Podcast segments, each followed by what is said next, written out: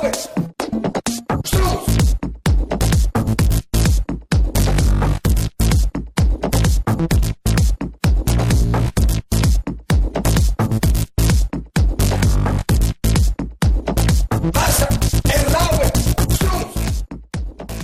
är vi tillbaka med eh, Bundesliga-podden som, eh, ja vi håller ju aldrig vad vi lovar. Eh, men vi, vi kör ändå, eller hur Filip? Yes, bättre sent än aldrig. Bättre sent än aldrig. Vi har ju faktiskt varit i behov av lite, någon sorts semester. Eh, även vi. Exakt. Eh, jag menar, det är inte varje, varje, varje sommar så ska man ju faktiskt ta ut lite och jag menar du, du har ju verkligen inte haft särskilt mycket semester. Jag har haft tio dagar och det var första gången på tre år, så eh, det var ju verkligen hög tid för att vara lite ledig kände jag. Ja, nej men exakt. Och jag brukar, jag brukar ha sån här sporadisk att man tar en vecka här och en vecka där och sen så jobbar man sinsemellan. Så jag har inte heller haft så mycket. Men jag har hunnit koppla av lite de senaste veckorna. Men såklart följt det som har skett inom tysk fotboll eh, som man alltid gör. Fördelen med att ha mobilen på semester. Exakt. Det är svårt att låta bli och, och hålla koll. Ja, och jag har ju försökt bemästra hela den här liksom grejen av att när man inte kan hänga på Twitter dagarna i ända och se liksom vad som sker så har jag nu hittat den här appen Feedly. Känner du till den? Faktiskt inte.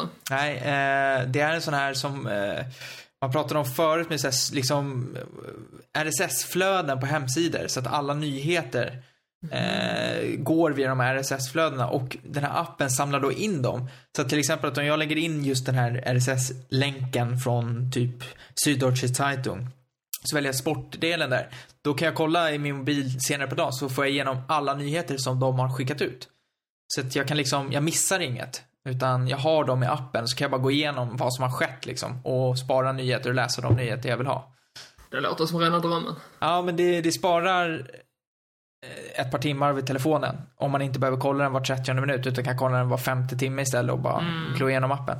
Så att eh, så, så är det när man ska Eh, liksom hinna med allt och inte vill gå miste om något. Eh, jag vet inte, vi kanske ska börja med att prata om eh, Bastian Schweinsteiger. Bara för att du har skrivit det först på listan så tänker jag att eh, Schweini, vi tar honom först. Han slutar i landslaget och eh, det var inte särskilt oväntat. Nej, det var det väl inte. Ehm, man kände väl att han... Nu var han ju visserligen skadad inför EM, men det var väl mycket därför han uh, fick kärv som speltid. Men uh, det känns väl helt enkelt som att det var, det var lite rätt tillfälle. Men med facit hand så kanske han borde sluta tidigare än så också. Alltså, det... Jag tror många, jag tror inklusive jag själv, nu har jag inte gått tillbaka i tiden och sett vad jag skrivit, men känslan var att när han valdes till kapten efter Filip Lam efter VM 2014 kändes det som ett ganska dumt val, för att det kändes inte som ett långsiktigt val. Det kändes som att han hade max, max, max två mästerskap i kroppen, troligtvis bara ett. Och han hade ju knappt det, för att i ärlighetens namn så kom han ju in till årets EM-turnering med noll speltid från United under våren mer eller mindre. Och eh, det syntes ju rätt tydligt och det sista mästerskapet blev ju långt ifrån en succé för, eh, för hans del. Mm, nej men exakt, det är väl det, det man känner nu att hade han avslutat då tillsammans med Filip Lam så hade han gjort det verkligen med, med flaggan i topp. Nu blir det istället lite som en förlorare på något sätt, även om han givetvis har varit väldigt eh, betydelsefull för, för den tyska fotbollen och han kommer ju hyllas i många år framöver för sina insatser. Ja, för vi pratar ju ändå om en spelare som har varit en av de mest, liksom, en av de kanske mest betydande spelarna under de senaste 10-12 åren i landslaget. De 10 senaste då, som har varit extremt framgångsrika från VM 2006.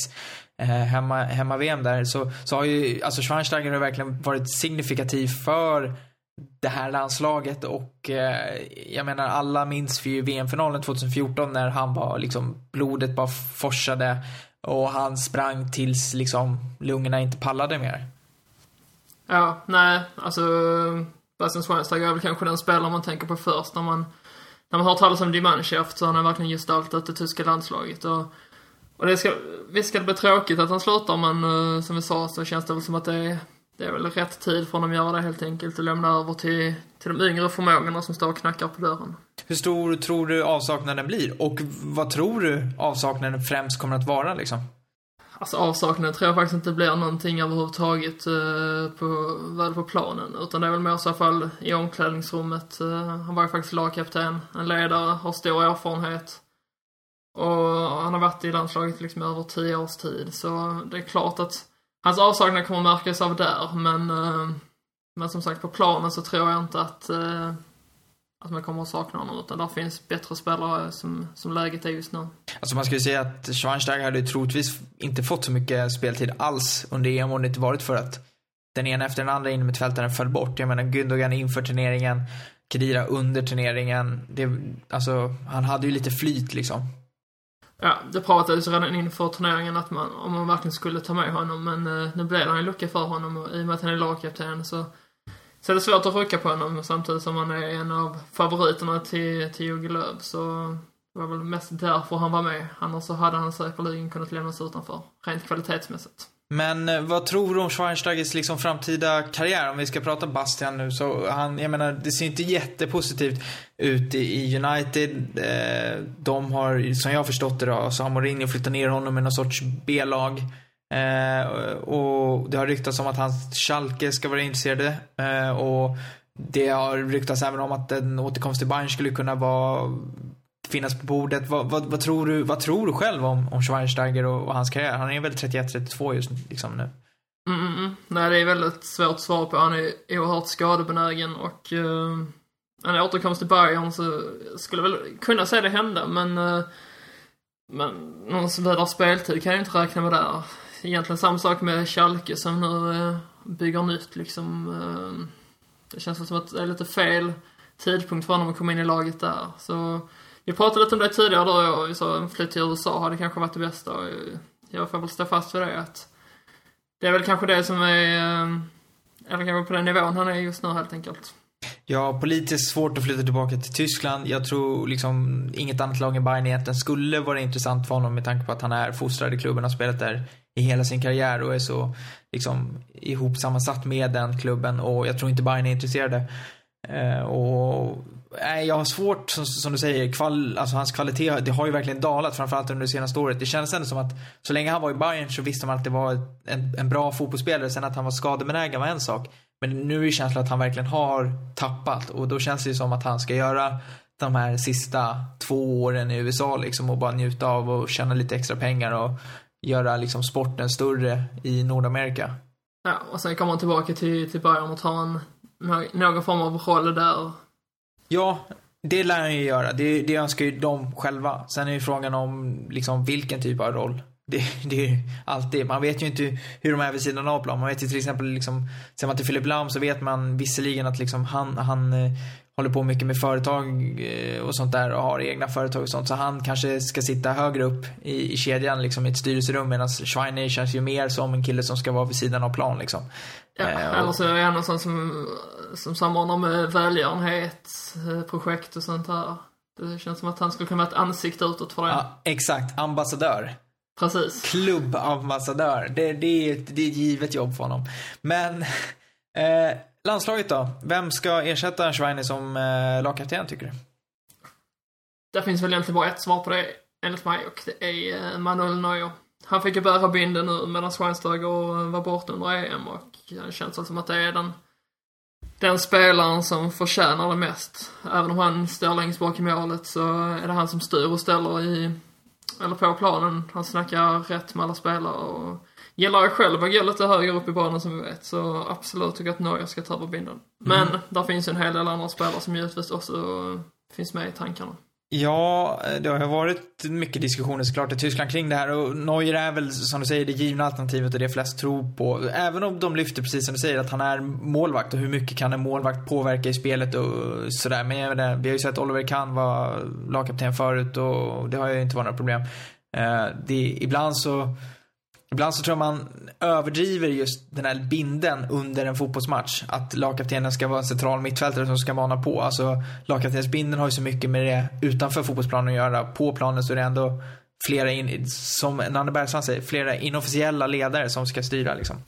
Fick din Hammarby där alltså? Ja, alltid, alltid kul i de här tragiska stunderna av Hammarby i Allsvenskan. Men ja, annars, om man utöver Neuer så är det ju, det är ju egentligen, det är ju Neuer och så är det Boateng, Hummels, Kroos och även Kedira som, som tycks så att säga vara med på någon sorts shortlist över tänkbara alternativ och där, sett till vad, vad folket tycker så är ju Kedira överlägset längst ner. Även om Löv gärna påpekar att Kedira är viktig i omklädningsrummet. Många tror att Boateng kommer åtminstone bli vice lagkapten. Eh, och många vill se honom som, som lagkapten. Och det är också politiskt med tanke på att han skulle bli den första färgade lagkaptenen inom tysk fotboll. Vilket skulle vara ett riktigt statement. Mm. Nej, vi, det ska bli spännande att se vad man väljer, men jag tror väl ändå att det blir, eh, det blir Neuer faktiskt. I och med att han fick bära binden nu medan, eh, medan Schweinsteiger var borta. Så att, eh, ingen större förändring i, i landslaget rent kvalitativt i framtiden mer än att Schweinsteiger inte är där. Precis. Il capo è fertig.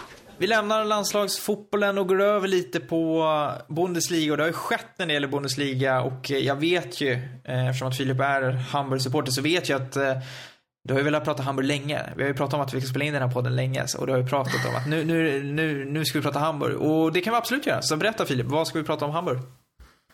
Ja, där finns väl en hel del att eh, säga om Hamburg. Eh, marknadsvärdet i truppen har ju ökat med 20 miljoner euro de, de senaste veckorna, eller veckan kanske till och med bara. Eh, och det beror ju på att det har kommit in två nya spelare. Och dessa är inga mindre än Alen Halilovic från Barcelona, supertalangen, och eh, Filip Kostic från Stuttgart. Du fick lite hybris där och sa att Halilovic var på samma nivå som Dembele och eh, Sanchez i form av värvning.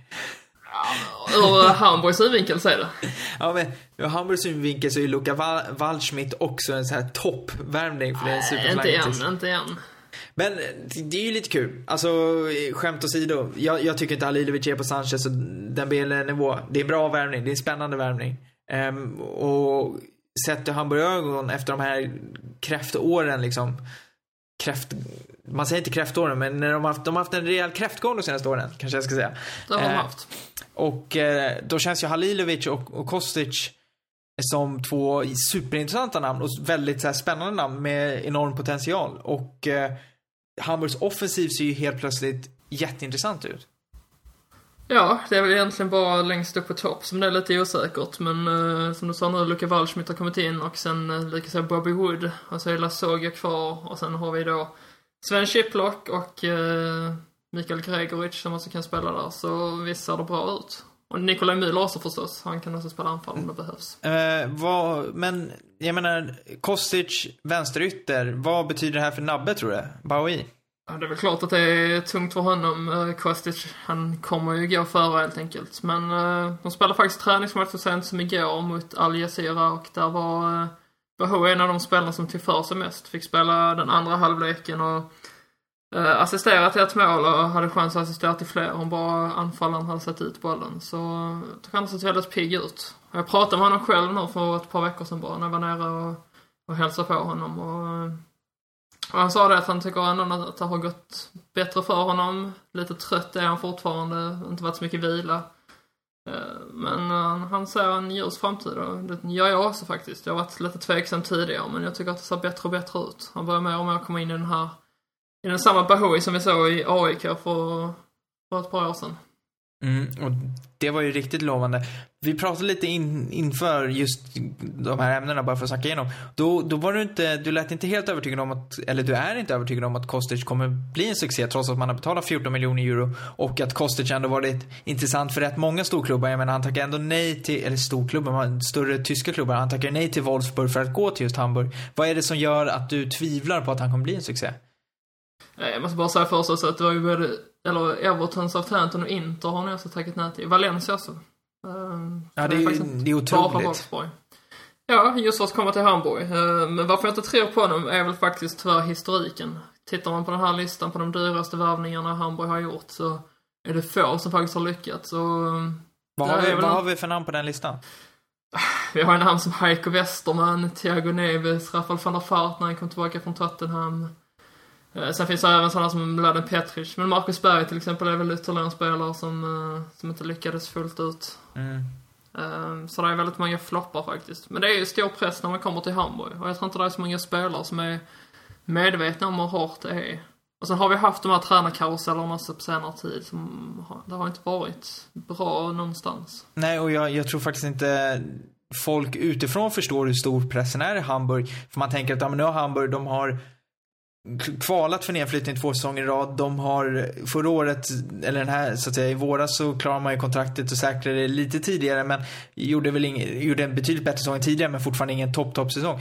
Men jag tror folk, man underskattar egentligen trycket i Hamburg för jag skulle säga att det kanske är ett av de absolut största trycken på en klubb Alltså i och på en klubb är uppe i Hamburg. Alltså det är enormt tryck från supportrar och från egentligen alla runt omkring på att det här laget ska gå bra. Mm, visst är det så. Och det ser vi redan nu. Eh, nu efter Talilovic och Kosic blev klara, nu pratas det direkt om Europaspel. Eh, för, eh, alla glömmer ju att för två år sedan så hade vi då två nedflyttningskval i rad. Och så hade vi en mellansäsong i fjol och sen nu Sen är det Europa och ingenting annat som räknas. Jag menar den omställningen är ju svår att ta sig igenom. Så jag, jag är inte så pass hoppfull, men visst ser det ljusare ut än på länge. Men jag tycker vi ska vara lite försiktiga. Eh, ja men det tycker jag verkligen. Alltså nog för att det är spännande ungefär, men det, vi, vi pratar om tre, tre, möjligtvis fyra namn här som är, känns väldigt intressanta.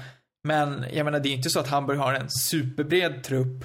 Eh, vi ser nu Sparch har ju skadat sig nyligen och man söker försvar. Alltså det, det är ju långt ifrån ett färdigt bygge. Och om Hamburg, om man nu börjar liksom prata i fanskretsar om att nej, men nu ska vi börja nå Europa så det är då man känner att det här man önskar att de var lite mer som i Köln. Eh, som vi har pratat om lite under våren om att Köln har en väldigt, liksom, de har en väldigt naturlig utveckling av att man tar det steg för steg. I Hamburg så känns det som att man ska gå från 0 till 100 på så extremt kort tid för man vill tillbaka till där man var för, ja, fem, sex år sedan liksom. Mm. Nej, men absolut. Uh, och det är det som också har varit ett stort problem. Och jag har sagt det tidigare att jag har svårt att se att Labadia blir kvar uh, i Hamburg hela denna säsongen. Vilket jag tycker är lite konstigt för han verkar otroligt uh, omtyckt. Ja, så är det, men det svänger ju fort. Skulle laget underprestera så kommer han få skit och, och det är ju alltid tränaren som åker först i Hamburg, det vet vi sedan tidigare. Ja, och de är, de är inte sena på att trycka på den knappen. Exakt. Och jag är äh... livrädd för att det ska hända. Ja, alltså det, det, skulle ju återigen, det skulle ju förstöra liksom det man någonstans försöker bygga upp. Men som sagt, det, det skulle, det skulle inte vara, ja, det skulle inte vara konstigt. Men Halilovic måste jag bara så här, vad, vad, vad, har du för förväntningar på honom? Jag menar det är klart man pratade om för ett par säsonger sedan som, jag menar när han var 16-17 så pratade man om att det här är nästa liksom stora talang. Han såg ut lite som Luka Modric också med ett långt hår, lite längre hår och sådär men vad, jag menar han var utlånad till Sporting Gijon tror jag förra säsongen. Mm. Eh, och är väl tänkt i, någon sorts offensiv mittfältsroll, kanske ute till höger, eh, även centralt, men kanske främst till höger som jag har förstått det. V vad ska man ha förväntning, för förväntningar på den här killen liksom? Han är trots allt bara 20 år. Eh, så är det ju, men han är ju lagets stora superstjärna nu. Tog över nummer 23 då efter van der Fart och blev direkt jämfört med honom. Och han vill ju själv spela som nummer, eh, nummer 10, samma position som eh, Aaron Hunt har.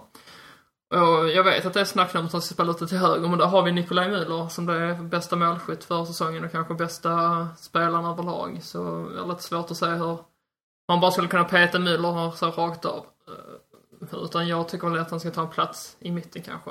Aaron Hunt har inte imponerat på mig och jag gillar Hunt väldigt mycket men men om han, eh, han är så skadebenägen och han måste verkligen höja sig om han ska kunna konkurrera. Så en Halilovic i mitten och vad jag har för förväntningar på honom, det är såklart man har stora förväntningar. Det är som, det är en stor talang och även om han kanske inte har lyckats blomma ut till den spelaren som Barcelona hoppades på så besitter han fortfarande en otrolig potential och tycker redan att han har visat i några träningsmatcher att han, eh, att han, när han väl är i form så kommer han kunna utföra riktigt mycket gott för, för laget. Mm. Det blir spännande att se vad som sker i Hamburg, minst sagt. Det känns ju ändå som att de har någonting på gång. Sen vad det är, det, det känns oklart. Eh, men vi ska hålla oss uppe i de norra delarna av Tyskland tycker jag. För att jag tycker det är spännande att Bremen går på och nu har presenterat Max Kruse som en eh, som ett, nyför, ett nyförvärv. Det känns ju, det hade ju ingen trott för ett par månader sedan. Jag menar, jag vet att du pratade om att Kruse eh, var ett alternativ. Du ville, du ville gärna se honom i Hamburg, så jag förstod det i alla fall. Det har inte varit ett alternativ, utan han var mer eller mindre klar för Hamburg. Okej. Okay. Förklara. Vad jag har fått höra. Berätta. Yes, nej men jag har ju lite källor i Hamburg. Um, och vad jag har fått höra då innan så var det att Wolfsburg ville göra sig av med Kruse, Kruse ville bort från Wolfsburg och Hamburg ville ha, um, ha Kruse helt enkelt. Och Kruse har ju har ju en bakgrund i Hamburg och har sagt sig själv tidigare att han sov med HSV sängkläder när han var, när han var yngre och att han är fortfarande ett fan av klubben. Eh, men då, det var ju innan när HSV hade fått in de här 50 miljoner eurona. Eh, men HSV har försökt förhandla med Wolfsburg, Wolfsburg har inte velat släppa honom så billigt. Utan hoppas på att man skulle få eh, mer betalt för honom. Där sades att det var intresse från Kina, från England, från Spanien, Italien alltså tror jag. Men eh, Kruse ville ju helst bli kvar i Tyskland. Uh, gick vidare då och köpte Kostic, köpte Halilovic. Kvar var Kruse i, i Wolfsburg. Och helt plötsligt så så kastar Werder Bremen sig in i leken och lyckas lösa honom, vad det verkar, bara på någon dag. Men eh, det ska sägas också att Hamburg har ju försökt göra sig av med Lasogga nu i sommar. Utan att lyckats där också, för Lasogga vill bli kvar i Hamburg. Och vägrat lämna mer eller mindre så... Och då var det inget utrymme för Kruse och då valde han helt enkelt att gå till Werder Bremen istället, där han har spelat tidigare. Ja, vad tror du är anledningen till att, valde han Bremen för att Hamburg försvann som, så att säga, som ett alternativ för stunden eller varför tror du att han har hamnat just i Bremen? Jag tror väl att han ville som sagt eh, till Hamburg, men han såg väl att det inte skulle hända helt enkelt med, med Lasogga som vägrar lämna och så har de värvat in både Bobby Wood och Waldschmidt. Det skulle väl bli tuff konkurrens där för honom och han ville väl helt enkelt inte betala de här åtta miljonerna som Wolfsburg ville ha. Så så ja, han såg väl tryggheten i Bremen. Jag vet inte vad han har blivit intalad där, men han kommer ju bli en stor stjärna, får jag förmoda. Eh, ja, nej, det, det, är klart att han kommer bli det. Jag ska bara förtydliga att du menar 8 miljoner euro så att ingen tror att han gick för 8, nej, 8 miljoner. Men, eh, nej, men jag tyckte det var spännande. Det gick ju väldigt snabbt från att han, alltså det var, alla visste väl att han skulle lämna Wolfsburg för Wolfsburg var rätt trötta på, på allt strul kring, kring, kring Krosen. Men Bremen kändes ju inte som ett ett hett alternativ alls. Med tanke på deras, om vi har pratat om Hamburg och svåra år så har ju Bremen haft minst lika svåra år. Och dessutom ekonomiskt egentligen inte haft någonting. Nu sålde de ju av eh, Väster, Västergård och, eh, och Anthony Udja som gjorde den här värvningen möjlig. De fick in rätt mycket pengar på de där två spelarna. Och Kroos har ju varit, som du sa, i Bremen. Och, och när en sån klubb får möjligheten att värva en kille som ändå var landslagsman för, alltså han har ju spelat i kvalet och i EM-kvalet och sådär och ändå varit ett, han var, eh, hade varit påtänkt till EM-truppen om han har gjort en bättre säsong i Wolfsburg. Eh, men alltså jag kan, så det, det, är klart att Bremen liksom slår till och det är ju, det är, det är ju ett supernyförvärv för Bremen. Om han kan hitta tillbaka till den form han har visat tidigare. De pratade om viktproblem i Wolfsburg, att han varit stökig även i Mönchengladbach, haft lite problem med disciplin och sådär. Men i Bremen så tror jag, och jag tror att det var en fördel gentemot Hamburg utan att liksom, jag tror inte han har något värde i det, men fördelen i Bremen är ju att det är betydligt mindre tryck eh, utifrån. Eh, det är en mindre stad, alltså allt det här. Det, det påminner ju mer om Freiburg där han någonstans tog det stora klivet innan han gick till Mönchengladbach. Alltså Bremen, det är ett litet ställe, mycket kommer byggas kring Kruse. Jag kan ju liksom bara se hur många fördelar det finns att han hamnar där för att så, han kommer ju bli mittpunkten i deras spel liksom. Ja men exakt. Eh, Pissar Pizarro var ju den stora stjärnan offensivt innan och han kommer fortfarande ha en ganska stor roll men men då kommer Kruse in här istället och han kommer ju vara otroligt uh, nyttig tror jag. Han blir verkligen, han får allt trampljus på sig. Det är precis vad jag tror att han uh, behöver för att han ska kunna leverera. Så jag bara tycker gratulera Bremen till ett uh, förmodligen fantastiskt nyförvärv. Ja, det, det, tror jag. Han är i sin bästa fotbollsålder, han är väl 28 år och sånt där. Och det, vi vet ju vad han, han bevisade både i Freiburg och i Mönchengladbach, vilken otrolig, liksom bra förmåga han besitter. Så att får de ordning på disciplinen i Bremen, vilket jag, jag tror att de får och jag tror att han kommer känna sig rätt trygg i det för att han kommer, folk kommer liksom anpassa till honom. Alltså allting kommer vara anpassat till honom. De kommer liksom hela tiden vara, ligga honom till lag mer eller mindre. Så jag, jag, tror att, jag tror att det kan bli mycket väl en av säsongens värvningar. Eh, om man nu lyckas få bukt på problemen utanför planen. Som jag själv tror att han också liksom vill undvika för det har varit rätt mycket det senaste året. Mm. Men... Eh, nu får han ju en ny, eh, ny chans här liksom. Och sen tycker jag att det är väldigt intressant med Bremen. De har ju värvat in eh, Tidigare i sommar så värvade de in mittfältaren Florian Kainz från, Rapid Wien, tror jag. Väldigt intressant spelare. Han är ju mittfältare men men eh, ett otroligt sinne för mål och för assister. Eh, tror han har gjort över han gjorde över 20 assist för säsongen om jag inte minns, missminner mig för, eh, för Rapid Wien. Så, så han kommer också bli väldigt nyttig och kan han servera bollar in i boxen till Pizarro och eh, Kruse så kan det bli riktigt bra för Bremen faktiskt. Mm, det blir eh, spännande att se. Hamburg och Bremen har ju gjort intressanta nyförvärv. Ett lag som vi hade trott skulle göra intressanta nyförvärv men som inte egentligen har hunnit göra så mycket på marknaden. Eh, speciellt inte de senaste veckorna är ju eh, Leipzig. Som eh, diskuterade vitt och brett om hur mycket de skulle göra på marknaden och eh, där är det stillstånd just nu. Mm, har varit ett längre tag också. Det är väl bara att man har blivit av med spelare istället. Ja, och vad, vad tyder det på skulle du säga med tanke på att de var rätt aggressiva i, i sin framtoning inför EM-turneringen bland annat. De har att inom loppet av de tre, fyra kommande veckorna, det här var i juni då, så skulle man presentera alla nyförvärv mer eller mindre. Eh, och nu sitter man där och har ju knappt presenterat någonting alls. Nej, alltså man sitter redan på en ganska intressant trupp, gör man faktiskt. Men eh, visst hade vi förväntat oss mer efter deras uttalanden och, och Leipzig är ju kända för att uh, inte vara rädda liksom att hålla, eller att öppna plånboken så... um, så jag vet inte, jag vet inte om vi skulle kunna få se lite fler nyförvärv nu innan det drar igång eller om man väljer att köra på med det man har. Uh, jag har faktiskt inte någon vidare koll på hur det gått för dem under försäsongen men jag får väl ändå anta att det har gått hyfsat.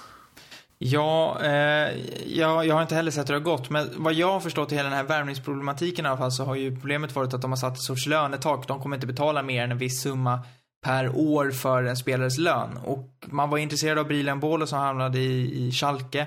Och, det, och där var ju allting mer eller mindre klappat eller klart tills en Bolos agent ska ha kommit tillbaka och ångra sig och sagt liksom att vi vill ha si och så mycket mer. Och då ska Leipzig ha sagt att det, det går inte. Det är liksom, vi kan inte betala det i lön.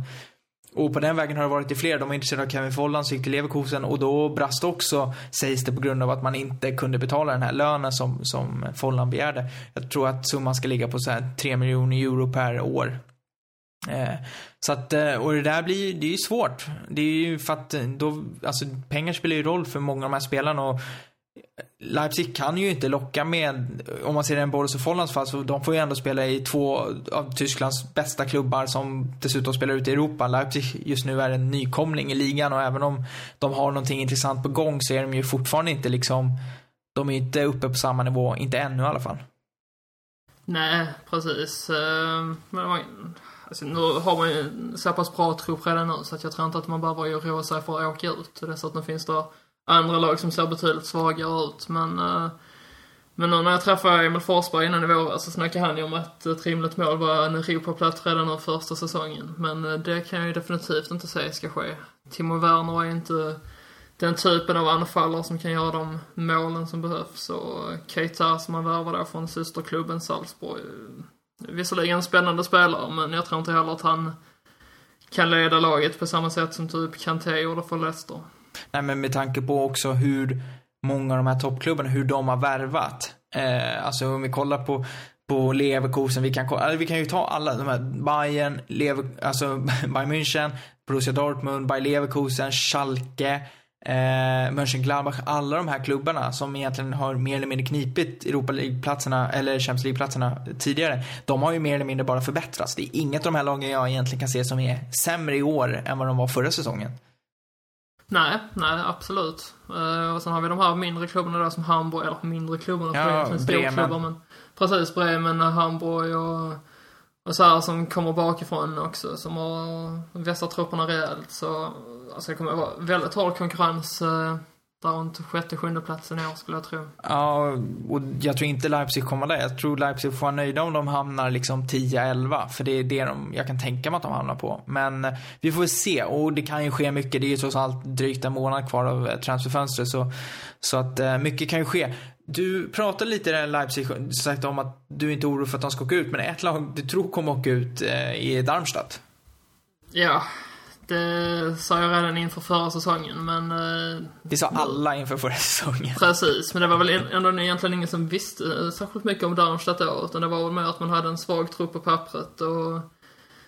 Eh, och de värvade ju fruktansvärt många spelare inför försäsongen som visade sig vara lyckodrag. Men nu har man ju tappat många av sina bästa spelare och har väl egentligen inte lyckats ersätta dem särskilt väl, så... Jag har väldigt svårt att säga att man skulle behålla sin plats i Bundesliga. Man har tappat eh, drygt 500 Bundesliga-matcher på de spelare som har lämnat klubben. Ja, och det är väl Eh. 15-16 spelare tror jag som har försvunnit. Ja, och många av dem har ju varit väldigt, väldigt viktiga, eller var väldigt viktiga förra säsongen. Typ Sandro Wagner som vi har pratat om och sådär. Som, som verkligen... Rajkovic, Matenia.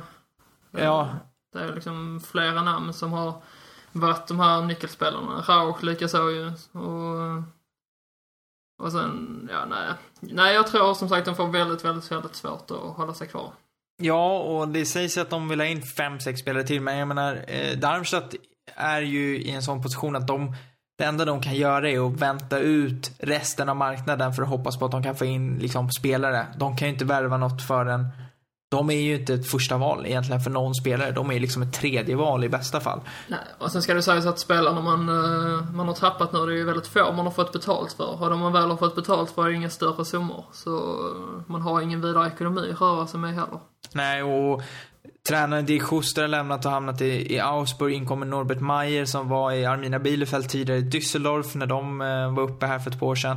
Eh, det, och det är ju en erfaren tränare men det är ju inte heller, det är inget, det är inget, inget namn som lockar det minsta liksom. Eh, så att, eh, nej, de kommer få det otroligt svårt. Om man ska, den gamla klyschan att andra sången är svårare, så i Darmstadts fall så, så är den ju, ser den ju nattsvart ut.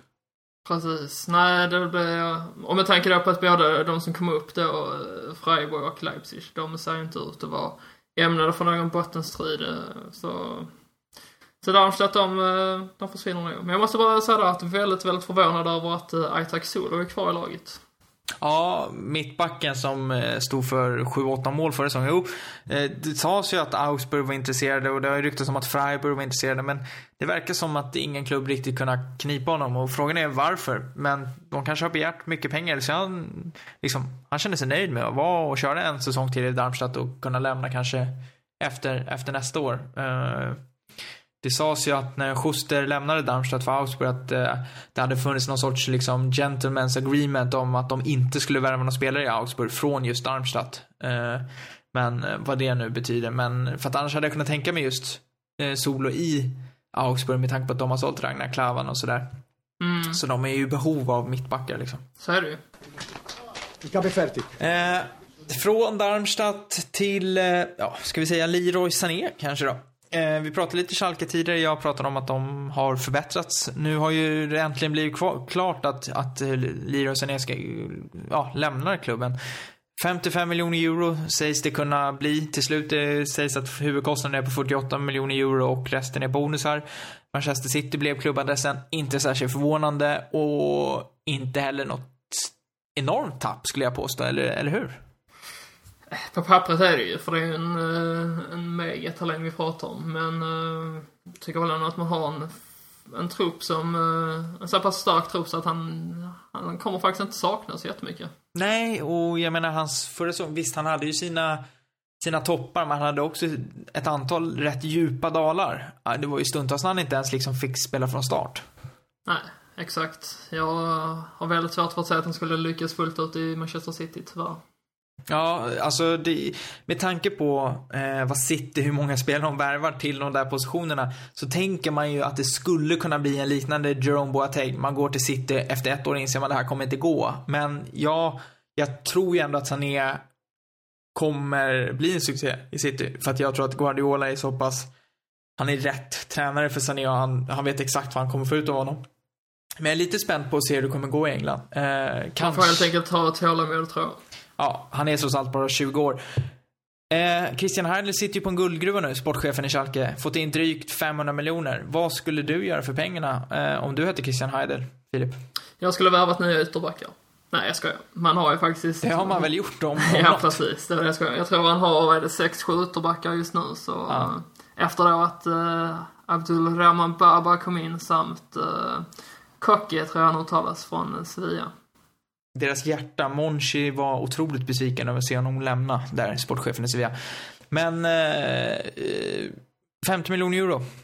Hit me. Vad gör du? Du är Schalkes sportchef. Behåller du pengarna och bygger nya fotbollsplaner till ungdomsanläggningen eller, eller lägger du på nyförvärv? Nu är det så att Schalke har ju knappt gjort sig av med några spelare så det är väl främst där man hade behövt rensa ut först för man sitter på en väldigt stor och bred trupp. Men uh, en ny anfallare tror jag inte hade skadat. Nu har man visserligen en Bolo men jag har tidigare sagt att han kommer bli en, uh, en flopp utan dess like och det får jag väl uh, hålla fast vid. Mm. så en ny anfallare till Huntler hade kanske inte varit helt fel. Någon med lite rutin. Eh, annars jag faktiskt truppen ser bra ut. Kanske inte att man är redo för att utmana om uh, topp tre-platserna, men uh, på god väg ditåt i alla fall. Det ryktas ju om att man är sugna på att ta in en, typ, en, en defensiv mittfältare, typ Luis Gustavo. Det skulle absolut inte vara omöjligt. Nu har man Johannes Gais och, och Goretzka är väl de två som är tänkta där. Men sen är det inte mycket bakom dem, så så ett nytt namn på det defensiva mittfältet hade väl inte varit omöjligt. Det eh, pratas rätt mycket om Benjamin Stamboli från eh, PSG, tidigare mm. Tottenham. Ja.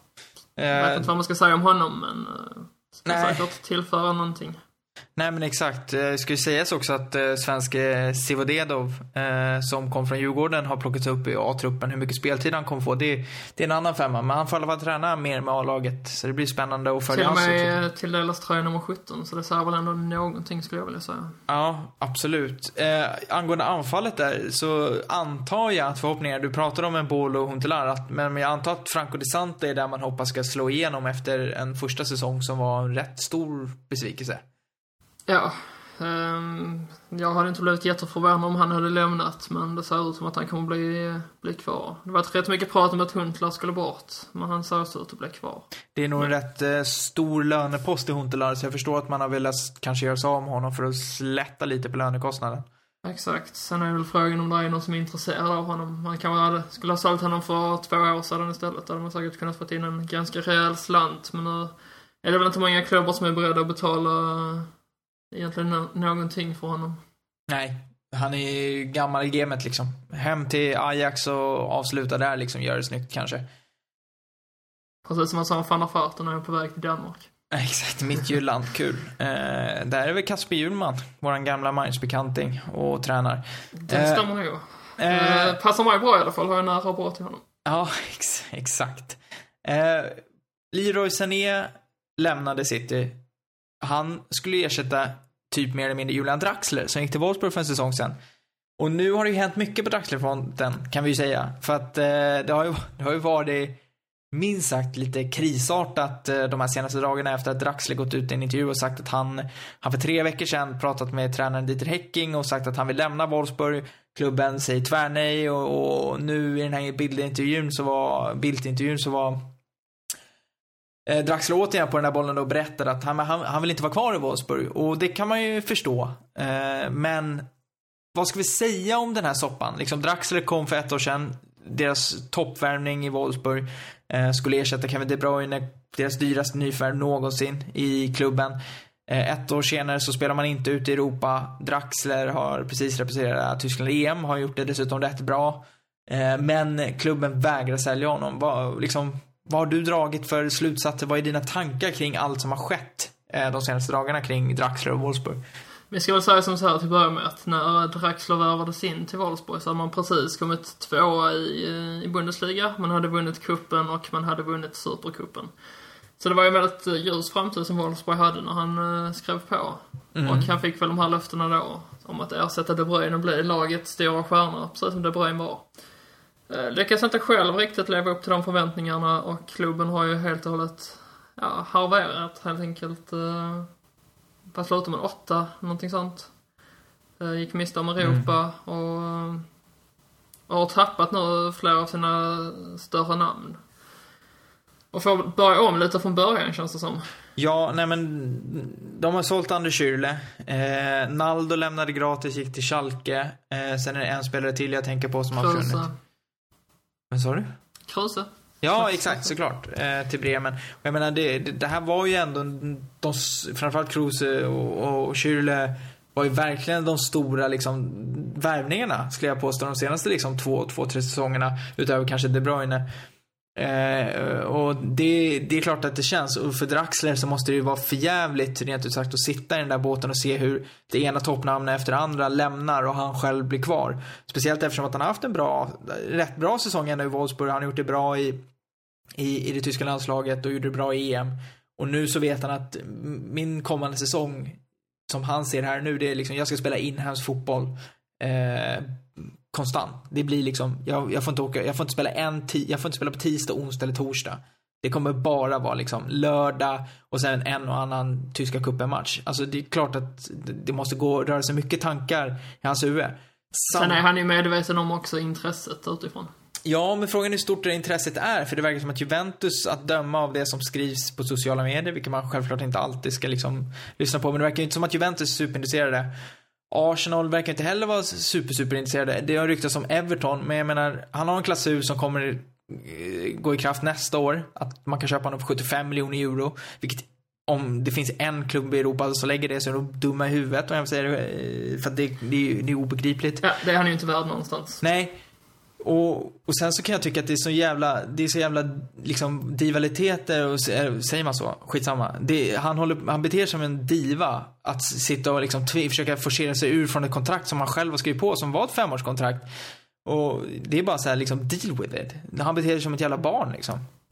Jag kan inte annat än att hålla med. Jag tycker det är jag har ju själv varit med om det här som i Hamburg med Hakan Chalanoglu för några år sedan. Han hade dessutom nyligen krutat på ett nytt kontrakt och sen några månader senare så bråkade han sig bort. Eh, jag tycker det är väldigt lite respekt gentemot klubbarna men och det, det är svårt för klubbarna också att behålla en spelare då och betala hans eh, lön till någon som inte är motiverad att spela. Det, det är liksom ingen bra kombo. Men uh, i det här fallet så tycker jag väl ändå att Wolfsburg bör stå på sig. Men jag skulle definitivt inte bli förvånad om han får sin vilja igenom till slut och, uh, och lämnar klubben. Alltså, det, Wolfsburg hamnar i en jäkla konstig situation. De vill ju verkligen inte släppa Draxler. Draxler är ju sista stora, liksom, riktigt, riktigt stora namnet man har. Och ett sånt där namn som ändå kan locka till sig andra spelare med. Man säger, men vi har Draxler, vi kan bygga liksom, förstå att du kommer vara med i det här och Draxler är vår ledstjärna, bla bla bla. Och säljer man honom, då har man ju sålt det sista av de här riktiga toppnamnen man också har värvat de senaste säsongerna. Och det skulle ju betyda liksom att man har tappat allt, all den här ambitionen, det man liksom har pratat om de senaste säsongerna. Det är ju så bortblåst. Som du sa, för ett år sedan så var man liksom, man var man hade besegrat Bayern München under vårsäsongen med 4-1. De vann tyska cupen, de var tvåa i ligan och alla såg dem som de största utmanarna till, till Bayern München. Speciellt när Dortmund bytte tränare och kände som att de var inom liksom ett generationsskifte generellt. Och nu så slutar man åtta, man har ingenting och man har tappat sina namn. Alltså Wolfsburg är på väg ut i ingenmansland. De är på väg ut att bli som Hamburg och Bremen liksom. Ja, det var där jag trodde att Schalke skulle hamna, men nu har man ju samlat att lösa den situationen galant. Men uh, Wolfsburg kanske mycket väl kan bli den här nya mittenklubben som kommer ha några väldigt kämpiga år framför sig. Ja, och det är därför jag också tror att man liksom risk, att man inte vill riska att behöva sälja Draxler för att det skulle sända sådana signaler som är så negativa eh, att liksom det, det, ser dåligt ut. Samtidigt så håller jag med dig om att om man får ett bra bud, ett bud som överträffar det man gav förra året, man gav väl typ 35 miljoner euro eller 40 miljoner euro. Skulle man säga att man får 50 miljoner euro, alltså då, då är det ju då är det ju så här, får vi det här budet igen och är det värt att ha en kille kvar som är bevisligen inte sugen på att vara kvar Eh, och sen så är han ju ett superproffs. Alltså, han är ju, stannar han kvar så kommer han ge allt för han vill ju fortfarande därifrån. Så jag tror inte att han sitter ett år och grinar på bänken liksom. Men är det värt det? Är det värt hela grejen i vad det sänder för signaler till övriga lagkamrater och sånt? Det är ju där de sitter just nu liksom. Vad, vad är det värt? Det, idag sades det att han skulle träffa en styrelserepresentant som är dessutom Volkswagen-representant. Så det blir ju otroligt spännande att se vad som sker de kommande veckorna på Drexlerfronten. Ja, han är ju inte med i, eh, i Malmö som Wolfsburg möter nu och det är väl just för att han ska sitta i möte då med den här eh, Volkswagen-pampen. Mm. Men det är ju så att försvinner han, ja, Luis Gustavo och eh, Rodriguez är redan spelare som ryktas på väg bort och, och lämnar han då, då kommer ju de förmodligen också vilja bort. Så det, det blir bara en ond karusell av det hela. Så Wolfsburg får väl nästan sätta ner foten i det här fallet. Men visst, får de ett bra bud så så bör man väl i alla fall överväga det och men samtidigt, ja, det gäller att man lyckas hitta en ersättare snabbt och det är väl inte det enklaste. Nej. Och det såg vi liksom. De sålde ju Kevin De Bruyne och Ivan Perisic rätt sent förra året på sommaren och de hade ju otroligt svårt. Det tog ju lång tid innan liksom, det var en enorm avsaknad under hösten. Det syntes rätt tydligt. Så att eh, jag tror att man vill undvika ett sånt öde igen. Men det ser svårt ut att undvika. Vi lämnar Wolfsburg och pratar lite kort, lite Zweite Bundesliga. För Filip, du är lite sugen på att prata om vad som har skett i 1860 München.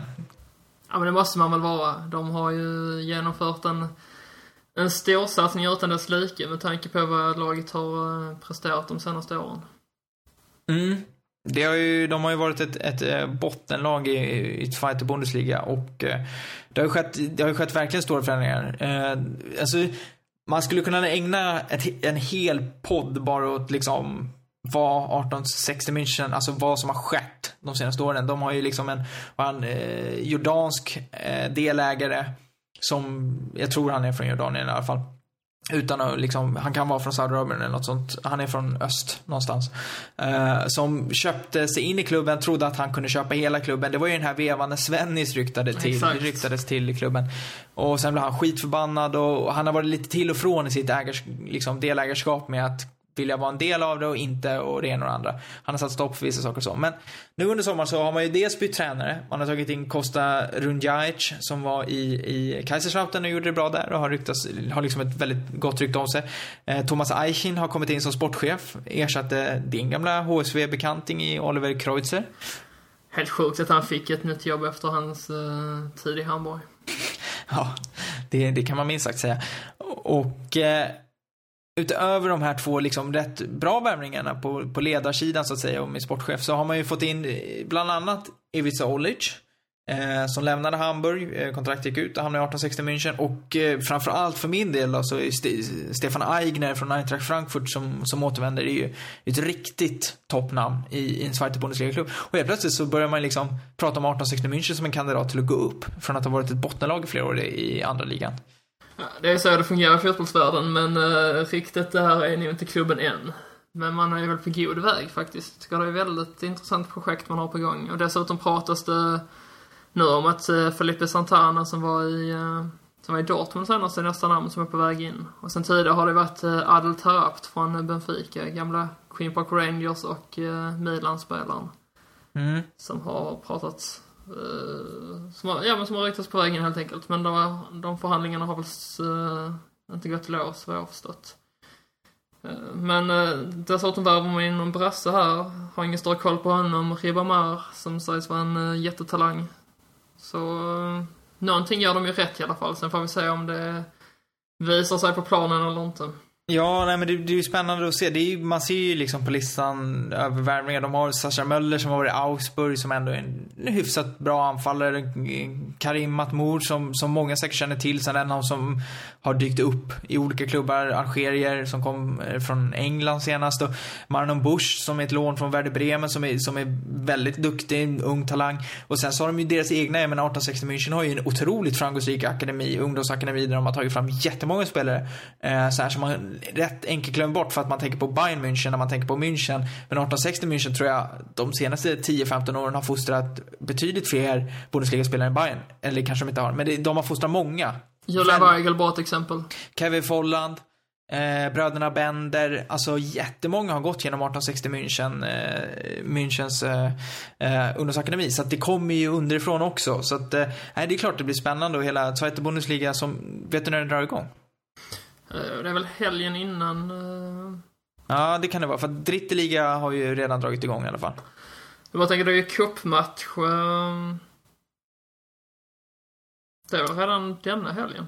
Det är det. Kan, kan så vara. Jag vet att, jag är inte säker. Jag tror... Det är lite man inte har koll. Men jag har nästan för mig det denna helgen. Ja, det, det, det kan säkert stämma. Eh, jag vet bara att Dritte Liga har dragit igång. Mitt vann. Eh, premiären mot Hansa Rostock. Christian Brandt, tränare Hansa Ro- Rostock, som fick sparken i Regensburg i vintras, var tillbaka, torska med 2-0. Så det var kul för mitt Regensburg att de fick vinna där hemma på Commerz. Nej, vad heter den? Continental Arena, så heter den. Du har ett lag i varje liga. Ja. Aue i... eh, Ja, där är jag medlem. Precis. Och så har du ju Bayern då i... eh, Ja, exakt som jag följer. Skiljer sig lite där mellan de här tre klubbarna. Ja. Men inte så jättemycket. Nej, men eh, nej, det är väl Aue som står ut lite mest kanske. Regensburg är ändå, det, jag bodde ju där och det ligger Precis. i Bayern. Eh, Aue är ju en före detta östtysk klubb, men och det är komiskt att det är just den klubben jag är medlem i. Och hur kommer det sig att du är medlem då? Jo, men det, det hade med att de inför förra året så hade de en, eh, de ville inte ha en huvudsponsor. Eh, eller ville inte ha, de kanske inte fick tag i någon som betalade dem av. Så att istället så, så tryckte de upp eh, eh en, deras egen typ logga som är en Kumpelverein som jag tror är någon sorts slogan för dem eller vad de kallas. Eh, liksom kompisförening och då fick medlemmarna istället bli som en huvudsponsor som man pröjsade in i medlemskap. Så de önskade att den här liksom grejen skulle leda till att det blev typ 5000 nya medlemmar. Eh, och då skulle man få in samma pengar som man skulle få av en huvudsponsor på tröjan. Och jag tror faktiskt att man lyckades med sitt mål. Så att jag bestämde för att jag vill vara en del av det där. Jag, nu vet jag inte, jag har inte mitt medlemskort tror jag till hands. Men jag fick ett rätt, jag, frågan är om jag blev typ medlem nummer 5000 i klubben och så här. Jag fick ett jäkligt bra nummer. Shit. Eh, som jag, så jag har den här, så jag borde få ett nytt medlemskort rätt snart för jag fick brev från dem nyligen. Så att på den vägen var det. Jag tänkte att ja, men det här är en kul aktion och jag tycker liksom, eller liksom, det är en kul grej att göra så att eh, jag är en del av det. Så jag prysade in vad det nu var, några hundringar. Så att eh, på den vägen är det. Så att nu måste jag ju åka till Aue eh, och, och, skriva om klubben och besöka dem och liksom bara se en fotbollsmatch med dem. För det, jag följer dem ju betydligt mer noggrant än vad jag hade gjort för eh, innan jag var medlem. Liksom. Ja, det kan jag tänka mig. Eh, de har ju bland annat eh, Pascal Köpke som är son till eh, Andy Köpke. Som var i landslaget och som är målvaktstränare i landslaget numera och sådär. De har lite intressanta grejer på gång. Ska vi säga, nykomlingar i Zweite Bundesliga. På tal om släktband då måste jag bara säga, vi pratade ju om 1860 München precis. La Cassette har Mhm. ju en sådan i 1860 München. Jaha, det visste jag faktiskt inte om. Kusin till spelaren i Lyon. Ja, otroligt. Du visste inte det alltså? Nej, inte en blekaste aning om Central det. mittfältare. Ja. Men, eh, brorsan har gjort det, har gjort det bättre. Kusinen. Kusin, sorry. Kusin har gjort det bättre. Något. Men han är på väg. Han är bara 22 år gammal, så hans tid kommer. Ah, gott om tid, gott om tid. Eh, du hade skrivit, jag tänkte så här som sista ämne, OS. Eh, vad vill du prata om OS? Jag kan ingenting om fotbollsturneringen i OS. Är det dam eller herrfotboll du pratar om? Och vad vill du prata om? Nej, men det är väl herrfotboll och damfotboll har jag tyvärr inte någon större koll på. Jag vet att de vann sin premiär igår med, med 6-1 mot Zimbabwe. Men, eh, nej men det är ju dags för Tyskland nu att kliva in. Jag tycker de har faktiskt har en väldigt intressant trupp eh, att tillgå. Eh, och för en gångs skull så tror jag nog att man skulle ha en ganska så bra chans på att vinna, vinna mästerskapet faktiskt. Senast man deltog var ju 1988, så det var ju ett, ett eh, tag sedan minst sagt. Är det värt något? Och vinna i OS eller? Nej men jag tycker det, det för i min värld så jag följer ju jag följer ju inte OS-fotboll. Jag tycker det är, det är en plojturnering. Jag, jag hatar det faktum att man liksom kör den här under 23-grejen. Jag tycker det är jävla konstigt att man har en åldersbegränsning i en OS-turnering. Och så tycker jag liksom, vad, vad finns det för, värde? U21-EM har väl lika lite värde i så fall. Ja, nej men, och jag uppskattar inte u em heller. Bitter du är. Ja, nej men lite så här, man kommer från ett EM och sen så, jaha, nu ska det spelas OS. Det känns ju verkligen som att, Men det är Ja. lite framtiden nu som har chansen att visa upp sig. Jag tycker i alla fall det ska bli intressant. Jag vet inte om du har en aning om vilka spelare som är med i... eh, nej jag har jättedålig koll. Jag vet att bröderna Bender, som vi nämnde tidigare, är med. Eh, sen så vet jag mer eller mindre ingenting. Det är väl några Schalke-killar, Max Meyer, eh, Goretzka skulle jag gissa på, för jag tror jag läste en intervju med honom idag. Eller jag såg en intervju med honom, jag läste den inte.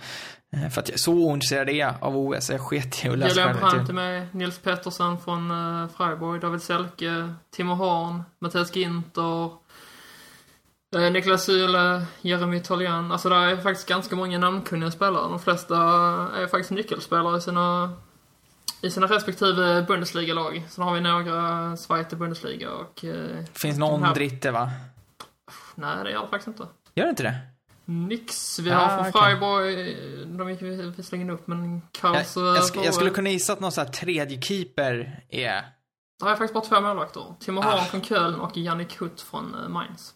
Ja, och vad spelar han i för liga? Typ. Ja, det blir väl Mainz reservlag, så det blir ju trippelliga i så fall. Så okej, den. men han tillhör ju faktiskt Mainz, när det är fint så. Nej men alltså, nej, jag, alltså absolut om man vill se vissa liksom spelare sådär så, om man vill se hur det går för dem och var de står så kan det vara intressant. Men ofta så tycker jag att den här fotbollsturneringen är, ja, rätt ointressant. Ja, fy fan vad du till död på detta nu. Men eh, ja, okej, då vet vi det. OS är inget att bry sig om. Nej men är det det då? Jag vet väl egentligen inte, jag kan väl inte säga att jag har något större intresse generellt för OS, men eh, Men jag tycker att uh, Tyskland har en väldigt intressant trupp och jag kommer att följa hur det går för, för det tyska laget i alla fall. Spelar Ja, men- ikväll mot Mexiko klockan 10 så. Ja, absolut. Ja, men det, kan jag, det kan jag ju, liksom, det är ju klart man kommer följa. Jag kanske inte kommer kolla på matcherna, men jag kommer ha liksom, koll på resultaten. Men jag bara tycker det är så svårt att värdera en sån där turnering, kvalitet på liksom, dels fotbollen men också på spelarna. Även om Tyskland har ett bra spelarmaterial. Och som du säger, troligtvis har en rätt bra chans att gå, kunna gå rätt långt. Men jag menar, jag, jag minns ju OS i London eh, och den här turneringen och den var ju långt ifrån övertygande. Eh, och i slutändan så är det ju generellt liksom så är det ju ett afrikanskt eller sydamerikanskt lag för känslan av som vinner. Och i det här fallet borde ju Brasilien ligga rätt bra till. De har ju Neymar, men... uh, men jag tror faktiskt att Tyskland har en god chans som sagt och jag tänker i alla fall följa hur det går för dem. Så det kan vara mitt lilla så här eh, uppdrag att bevaka OS eh, för denna podcast. Ja, och Horst, ja, absolut. Och Horst Rubers har ju fått betydligt färre bortfall än vad Håkan Eriksson hade i Sverige. Ja, jo exakt. Uh, Tyska fotbollsförbundet och Bundesliga slöt ju ett avtal att han skulle få plocka vilka spelare han ville så länge de inte hade varit med i EM, nyligen flyttat till ny klubb eller uh, ska spela Europakval för sina klubbar. Så det är därför Julian Weigel och Ma- mm, Mahmoud Dahoud och, och Julian Draxler till exempel saknas. Ja, eh, och där kan man ju tycka så här, men hur många spelare i Allsvenskan var med i EM? Och jag vet inte det, men det kan ju inte ha varit särskilt många. Eh, varför satte man då inte liksom avbrottet under OS istället, när betydligt fler allsvenska spelare hade chans att få medverka i turneringen? Jag är inte rätt man får svar på det, men uh, Nej, det är så nej. det är i alla fall. Det känns som att jag, jag har rätt. Auf geht's Deutschland. Nej, exakt. Men, eh, ja, nej men jag tycker att eh, det får avsluta eh, Bundesliga-podden för den här eh, veckan. Eh, Yes. Så får vi se. Nu borde vi ju, jag är ju helt ledig nästa vecka så att eh, det borde ju kunna leda till att vi faktiskt kan följa upp med eh, ett, eh, ett avsnitt även nästa vecka. Ja, vi får väl köra igång nu. Det är snart dags att tippa säsongen. Exakt. Den där eviga tippningen som man alltid... jag, ska säga att Darmstadt sist igår också. Exakt, den är i alla fall i Houston och så bara München etta. Men eh, därefter, eller däremellan rättare sagt, där är väl ganska öppet eh, än så länge. Känns svårtippat i år. Hamburg trea. Nej, det tror jag inte på. Men eh, däremot, eh, jag tror jag tippade Hamburg typ 8 eller 9 förra säsongen och jag skulle tro att de kan hamna där i år. Så att, eh, nej, det är spännande. De kom ju faktiskt 10 förra säsongen, så det var ju inte något jättestort steg, men... eh, Nej, okej. Så pass. Jag tror jag tippade Stuttgart bakom Hamburg också, så att eh, där fick jag rejält fel. Ja. Eh, men eh, Filip, sociala medier, var hittar man dig? Då tar vi väl Twitter och det är eh, snabel volin med nolla istället för O. Ja, och mig hittar ni också på Twitter på snabla AT Nilsson och eh, med det så säger vi tack och hej för den här veckan av Bundesliga-podden. Yes, cheers. På återseende. Tschüss!